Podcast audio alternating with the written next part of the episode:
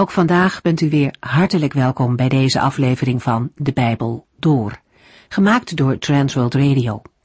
Voor meer informatie kijkt u dan op onze website transworldradio.nl. In deze serie gaat u in vijf jaar tijd met ons de Bijbel door, van Genesis 1 tot en met het laatste vers in Openbaring 22. Vandaag kunt u luisteren naar hoofdstuk 3 tot en met 5 van het boek Klaagliederen. Het is een indringend lied over de verwoesting van Jeruzalem. Een lied dat vanuit grote nood is geschreven. Laten we nog even samenvatten wat er in hoofdstuk 1 en 2 werd besproken. In Klaagliederen 1 wordt de eenzaamheid van Jeruzalem treffend neergezet. De eens zo prachtige stad is verlaten en ingenomen. Haar bewoners, die te midden van andere volken wonen, vinden daar geen rust. De bondgenoten zijn verdwenen en de vijanden verblijden zich over al die ellende. Het totale gebrek aan iemand die troost biedt, maakt alles des te schrijnender.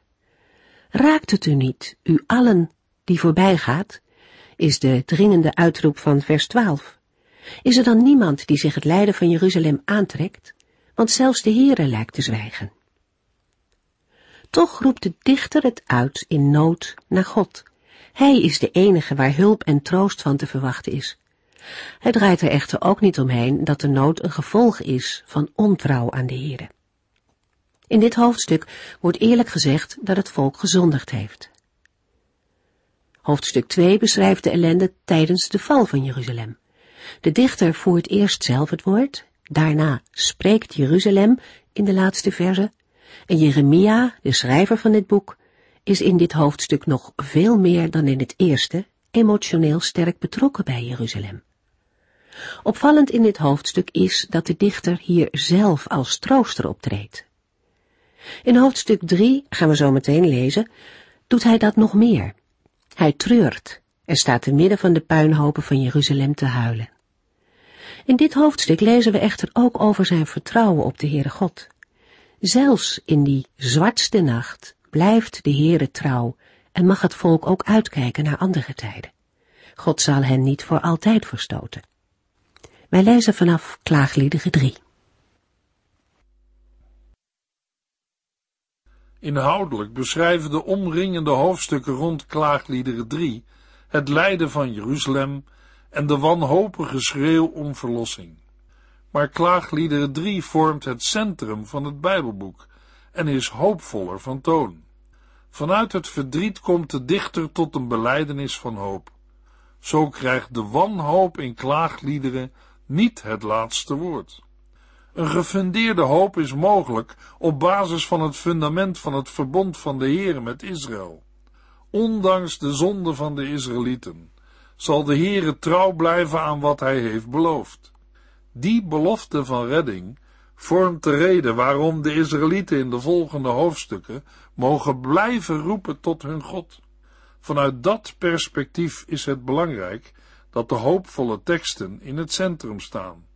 Gelijktijdig is duidelijk dat de problemen in de tijd van het ontstaan van het Bijbelboek Klaagliederen niet worden opgelost, want de Heere zwijgt en de ballingschap duurt voort maar de dichter van klaagliederen hervindt de hoop, die mede in de laatste drie versen wordt verwoord.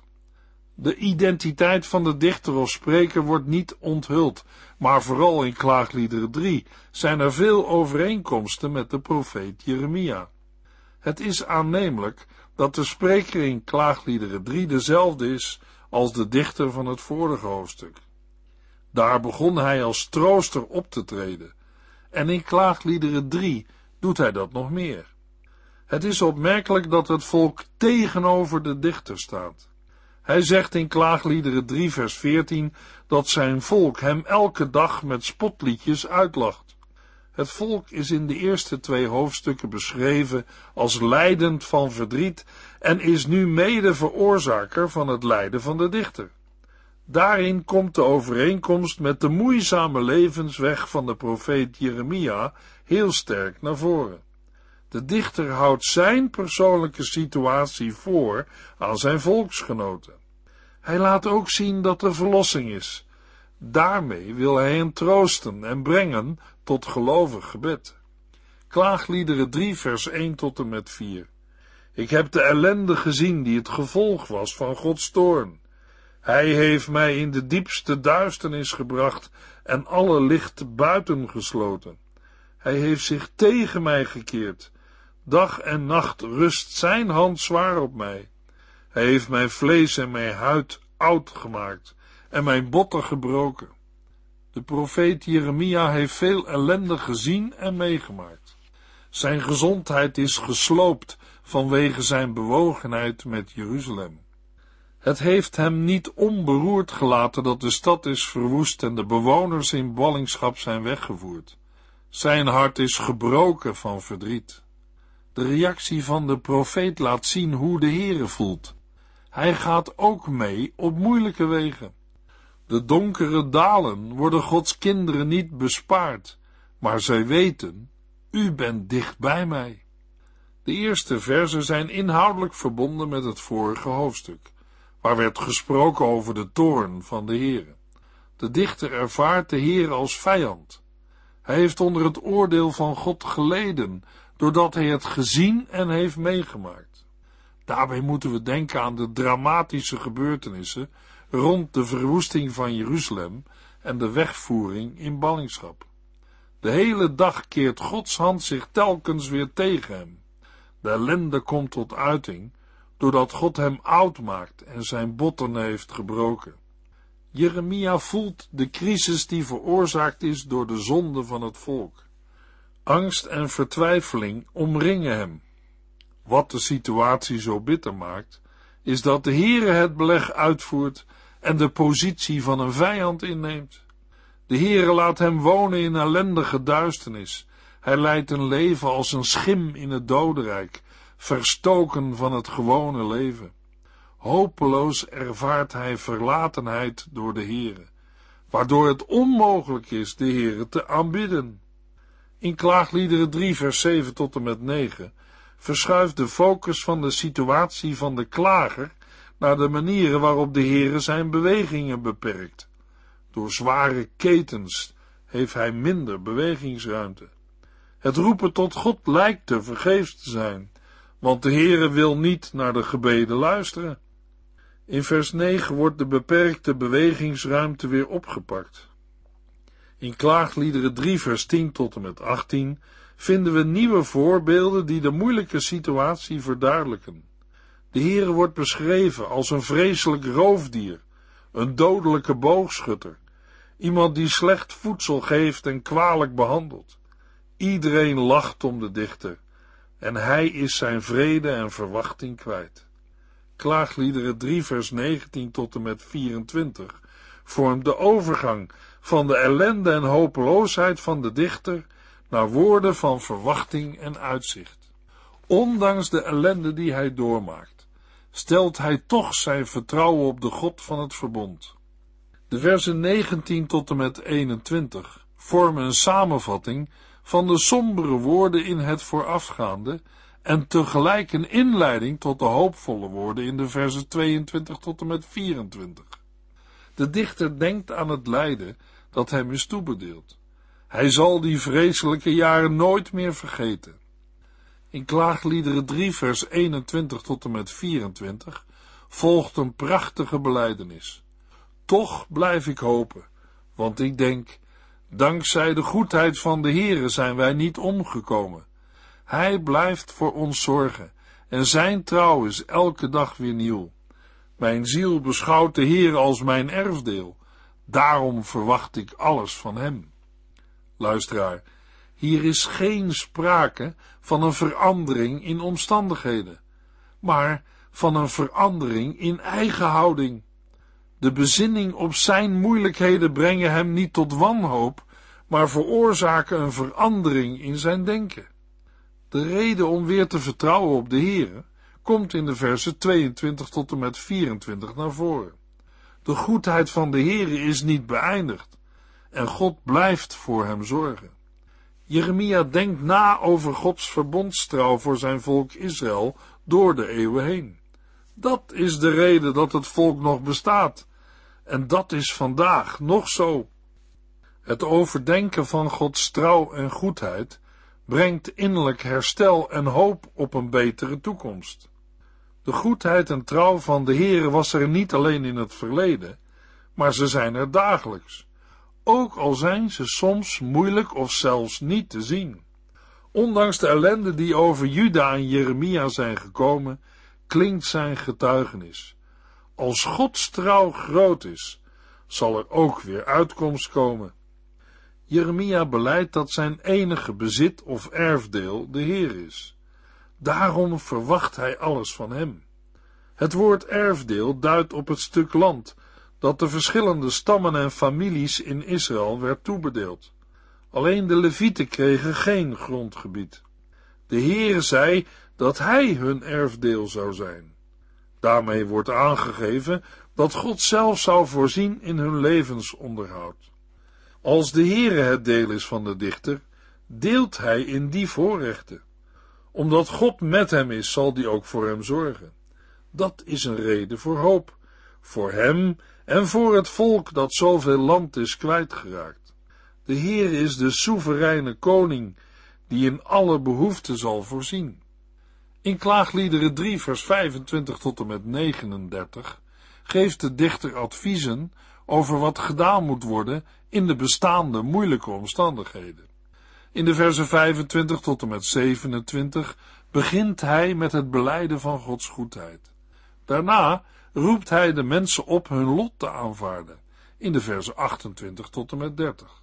In de versen 31 tot en met 36 wordt de goedheid van de Heere benadrukt en in de versen 37 tot en met 39 Gods soevereiniteit. De bedoeling van deze adviezen is dat de dichter wil bevorderen dat de mensen het verloren vertrouwen in de Heere hervinden. Ook voor ons zijn de adviezen van grote betekenis. Naar aanleiding van woorden over wat goed is en over de noodzaak het lot te dragen, kan de vraag opkomen hoe een mens, als hij ernstig lijden ervaart, dat kan aanvaarden. Daarbij moeten we wel beseffen dat het lijden van Jeremia en van Juda veroorzaakt is door Gods straf over de zonde van het volk, en dat het daarmee niet gelijk is te stellen met allerlei tegenslagen die ons mensen kunnen overkomen. Verder moeten we ook bedenken dat het onjuist is te denken dat de Heere voldoening heeft in straffen. Hij verdrukt en bedroeft mensen niet van harte. Bij voorkeur zegent hij, en het is niet zijn wens om te vervloeken. Deze woorden sluiten aan bij Gods zelf openbaring aan Mozes, waarin hij zich presenteert als ongekend liefdevol. Deze liefde heeft hij door de geschiedenis heen bewezen, en daarvan waren de Israëlieten zich bewust. Hier klinkt de vaste overtuiging door, die eerder is uitgesproken, dat er misschien toch nog hoop is. De combinatie van uitspraken in Klaagliederen 3 maakt duidelijk dat de dichter overtuigd is van de trouw van de Heere, maar dat de trouw van de Heere niet vanzelfsprekend komt op het moment dat de Israëlieten het wensen. De versen 34 tot en met 36 vormen een verzekering dat God zich bewust is van het leed dat de Judeërs moeten ondergaan. De Heere ziet het onrecht. Daarmee wordt de dwaasheid en de brutaliteit van een onrechtvaardige aangeduid. In de Bijbel hoort eerlijke rechtspraak tot de basisrechten die de Heer een mens wil schenken, en hij ziet erop toe dat het recht wordt gehandhaafd. Dat wil ook zeggen dat de Heere het onrecht op zijn tijd en wijze zal vergelden. Door hun geloof in Gods soevereiniteit waren de Israëlieten ervan overtuigd dat de Heere uiteindelijk herstel zou brengen. Klaagliederen 3, vers 38 en 39. Van de Allerhoogste komt immers zowel het kwade als het goede. Waarom zouden wij dan mopperen en klagen als wij worden gestraft voor onze zonden? Jeremia roept het volk op de situatie en de omstandigheden te dragen. Waarom zou een mens klagen over omstandigheden die door de Heere veroorzaakt zijn? Jeremia zegt, laat een mens liever klagen over zijn eigen zonden, die de oorzaak zijn van de omstandigheden. De ellende die doorstaan moet worden, is immers door eigen overtredingen veroorzaakt. Het is een teken van Gods genade dat we nog leven en niet om onze zonden zijn omgekomen. Hetzelfde lazen we in vers 22. Nu het besef van zonde is verwoord, volgt in de versen 40 tot en met 54 een oproep tot bekering en een gemeenschappelijke klacht. De dichter spreekt anderen aan en roept hen op hun eigen leven te onderzoeken, schuld te bekennen en terug te keren tot de Heere. Na de oproep tot bekering komt het persoonlijke verdriet naar voren. Er is een sterke overeenkomst tussen deze beschrijving en Jeremia 14 vers 17, waarover het intense verdriet van Jeremia wordt gesproken. Ondanks de constatering dat gebeden niet tot God doordringen, verliest Jeremia de hoop niet. Hij zal blijven huilen totdat de Heere vanuit de hemel weer naar hem omziet. In de versen 52 tot en met 54 komt naar voren dat de dichter door zijn vijanden werd vervolgd. Hij was gevangen gezet in een donkere put en kon er niet uit. De overeenkomst met het lot van Jeremia is opmerkelijk. Hij riep uit dat hij verloren was. Begrijpelijk, want zonder hulp zou hij verdrinken. In de versen 55 tot en met 66 beschrijft de dichter dat hij in het verleden de hulp van de Heer heeft ontvangen. Daarnaast geeft hij aan dat de Heer in de toekomst zal bevrijden. In een uitzichtloze situatie heeft de Heere zijn gebed gehoord. Het is belangrijk om te bidden, ook als er op het moment zelf geen uitzicht lijkt te zijn. Het uitzicht kwam op Gods tijd. Klaagliederen 3 vers 57. Ja, u kwam toen ik vertwijfeld schreeuwde en u zei mij dat ik niet bang hoefde te zijn. Daarmee wil Jeremia zeggen, laat daarom iedereen het van deze God verwachten. De versen 58 tot en met 63 zijn de climax van de beschrijving van de verlossing die Jeremia eerder heeft ervaren. Niemand kon redden, maar de Heere wel. De laatste drie versen vormen een wens of een voorzegging over vergelding en verlossing. In Klaagliederen 3 wordt het persoonlijke lijden van de dichter beschreven. Hij was vereenzaamd en veracht door zijn volksgenoten. Daarbij moeten we denken aan Jesaja 50, waar het gaat over de knecht van de Heere die moest lijden, bespot en veracht werd. De overeenkomsten zijn ook te vinden in het leven van Jeremia. In het centrum van Klaagliederen 3 en daarmee ook in heel Klaagliederen staat een boodschap van hoop en uitzicht, gebaseerd op de verbondstrouw van de Heere. Een boodschap die aanspoort om op de Heere te vertrouwen. Op grond daarvan kan ook gebeden worden, in de wetenschap dat de Heere uitkomst zal schenken. Het optreden van de dichter vertoont overeenkomst met de Heer Jezus, die zich identificeerde met de nood van zondaren. Hij ging de weg van lijden. Als onschuldige droeg hij de zonden en ongerechtigheden van ons mensen en deed zo verzoening. Door zijn opstanding toont hij dat er voor verloste en gerechtvaardigde zondaren toekomst is. Na de beschrijving van het lijden van de dichter in Klaagliederen 3, wordt in Klaagliederen 4 de aandacht gericht op de moeite van Jeruzalem. Het hoofdstuk heeft een sombere toonzetting, maar er zijn ook enkele hoopvolle uitspraken. Er lijken twee of drie verschillende stemmen aan het woord te komen. Eerst begint de dichter te spreken in de versen 1 tot en met 16 over het verval van de stad en daarna reageert de gemeenschap in de versen 17 tot en met 20 met de mededeling dat ze opgejaagd en gevangen zijn. Aan het eind worden in de versen 21 en 22 verheugende zaken verkondigd. Ook Klaagliederen 4 is een alfabetisch gedicht. Klaagliederen 4 vers 1 en 2 Ach, hoe heeft het goud zijn glans verloren, hoe dof is het geworden. De edelstenen van de tempel liggen verstrooid in de straten. De jongeren van Jeruzalem, ieder hun gewicht in goud waard, zijn behandeld als aardewerken potten, als het werk van mensenhanden. De eerste tien verzen zijn uitermate somber en beschrijven de gevolgen van de hongersnood.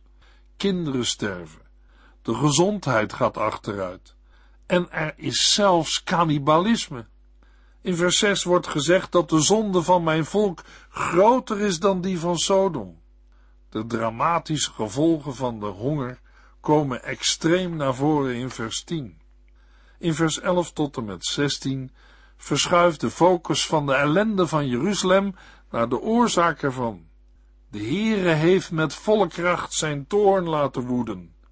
Voor die tijd zou geen koning of volk ter wereld hebben geloofd dat een vijand door de poorten van Jeruzalem naar binnen kon marcheren. Toch is de stad gevallen, vanwege de zonde van haar profeten en priesters, die onschuldig bloed hebben vergoten. Volgens Genesis 9 vers 6 staat daarop de doodstraf. Eerder was al gesproken over het morele failliet van het volk en nu over ontsporing van geestelijke leiders. In de versen 17 tot en met 20 beschrijft de gemeenschap de situatie. De bewoners kijken terug op het vergeefse wachten op verlossing en op de bedreigingen. Jeruzalem hoopte op hulp van farao Nego, maar uit Egypte kwam geen redding.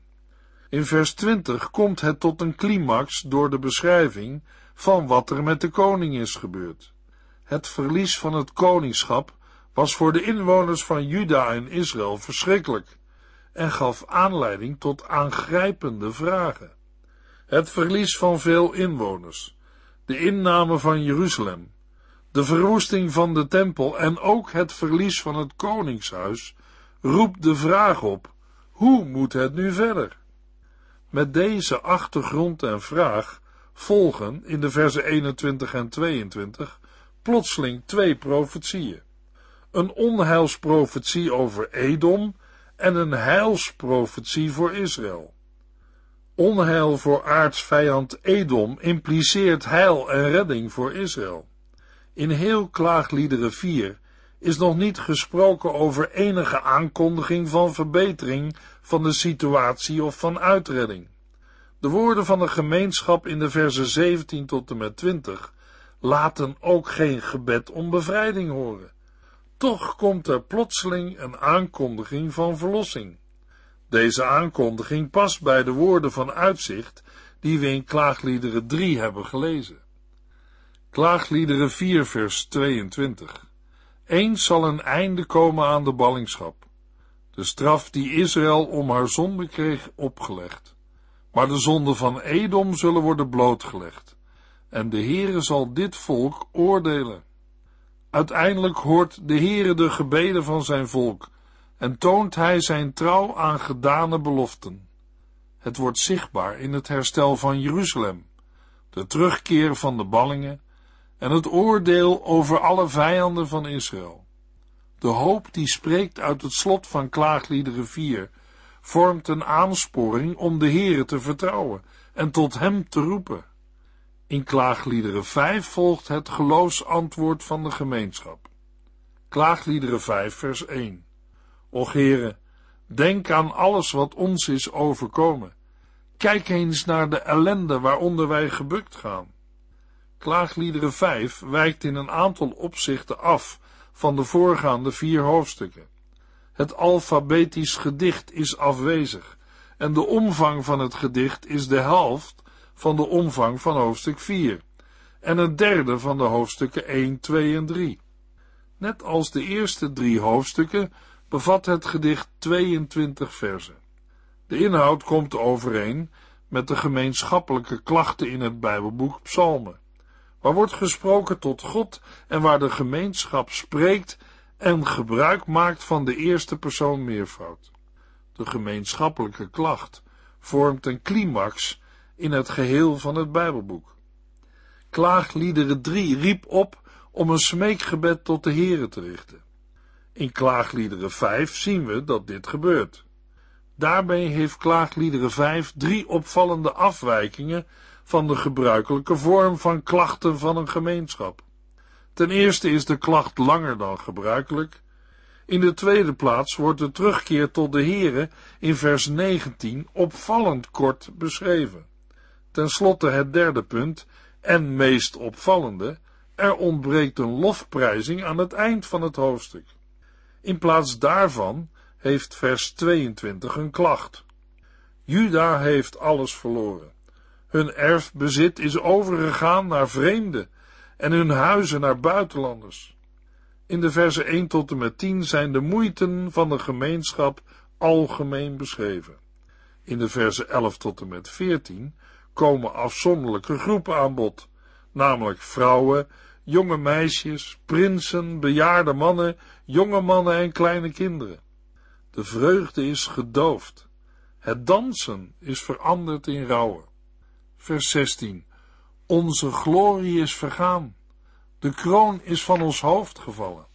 Dat overkomt ons allemaal vanwege onze zonden. Alle sociale, economische, psychische en godsdienstige kanten van de ellende zijn genoemd, als ook de reden waarom. De climax in de beschrijving vinden we in vers 18.